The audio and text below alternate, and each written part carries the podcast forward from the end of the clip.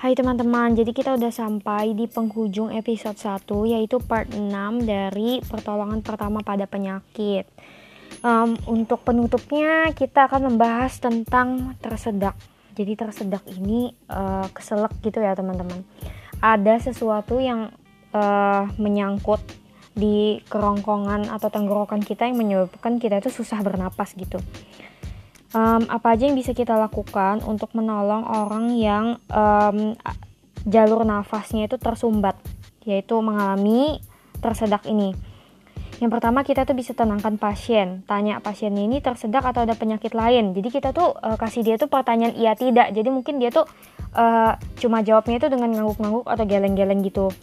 Nah, terus teman-teman, aku juga pernah lihat kalau um, tanda internasional orang tersedak itu adalah kayak tangan itu dibuat membentuk kayak mana ya uh, dua kedua tangan tuh disatukan di bawah leher uh, kayak memegang leher gitu kayak menandakan uh, pasien itu lagi sesak lagi kesulitan bernafas gitu Terus yang selanjutnya yang kedua jangan memberikan air minum karena akan tambah menghalangi jalannya udara. Nah ini kayak mama-mama pada umumnya ya kalau misalkan melihat ada orang keselak itu kalau nggak dikasih air minum ntar punggungnya ditepuk-tepuk. Jangan ya itu itu jangan dilakukan banget karena itu malah akan memperparah keadaan guys.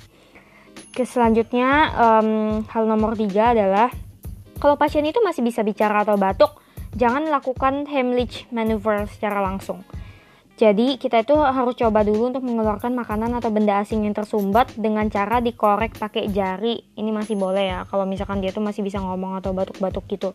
Ini tandanya dia tuh kayak belum sesak nafas banget. Jadi jalur jalur nafasnya itu masih belum ketutup gitu loh tapi hati-hati ya keluarinnya ya jangan sembarangan soalnya takutnya nanti malah dikorek-korek pakai jari eh barangnya malah masuk makin dalam gitu selanjutnya keempat kalau dia tuh sudah benar-benar nggak bisa bicara lagi udah sesak banget kita harus ngelakuin Heimlich maneuver jadi Heimlich maneuver ini prinsipnya adalah memberikan tekanan pada perbatasan perut dan dada seorang yaitu di daerah ulu hati atau di bawah tulang taju pedang sehingga udara akan menghentak benda asing yang tertelan.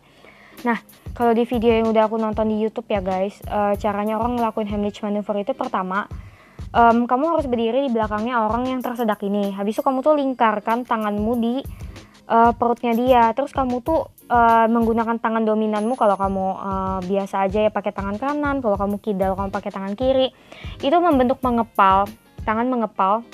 Terus uh, jempolnya tuh diarahin ke arah diri sendiri gitu loh di perutnya uh, orang yang tersedak ini sedikit di atas udelnya habis itu kita tuh harus kayak uh, uh, seakan-akan mencolok diri sendiri gitu loh kita tuh colok perutnya dia ke atas ke atas gitu ke atas ke dalam kayak kita tuh menancap secara uh, miring ke arah kita gitu berulang-ulang sekitar 10 sampai 15 kali dengan uh, dengan maksud setiap kali kita tekan itu benar-benar usaha untuk menghentakkan angin dari dalam tubuhnya orang itu untuk mengeluarkan kayak mementalkan objeknya itu keluar gitu.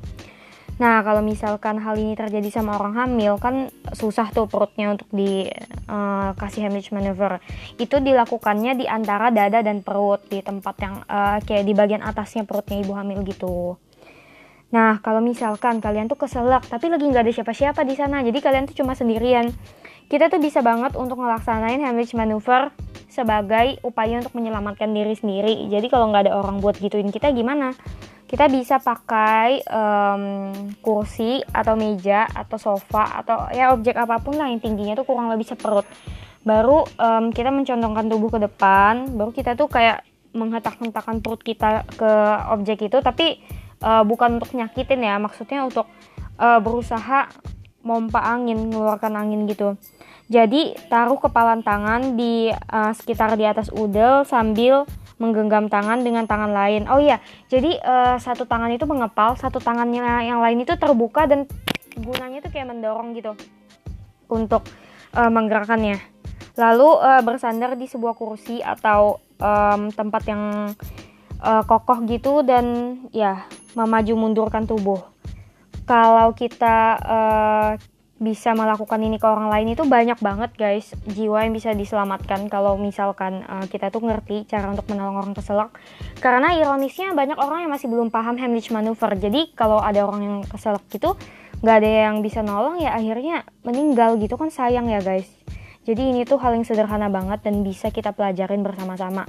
Kalau penjelasan secara lisan kayak begini masih kurang bisa kalian pahamin, gak ada salahnya kalian buka YouTube guys, karena di sana itu banyak banget cara untuk uh, melakukan Heimlich maneuver dengan uh, ada peragaannya gitu. Jadi mungkin bisa lebih mudah untuk kalian pahamin.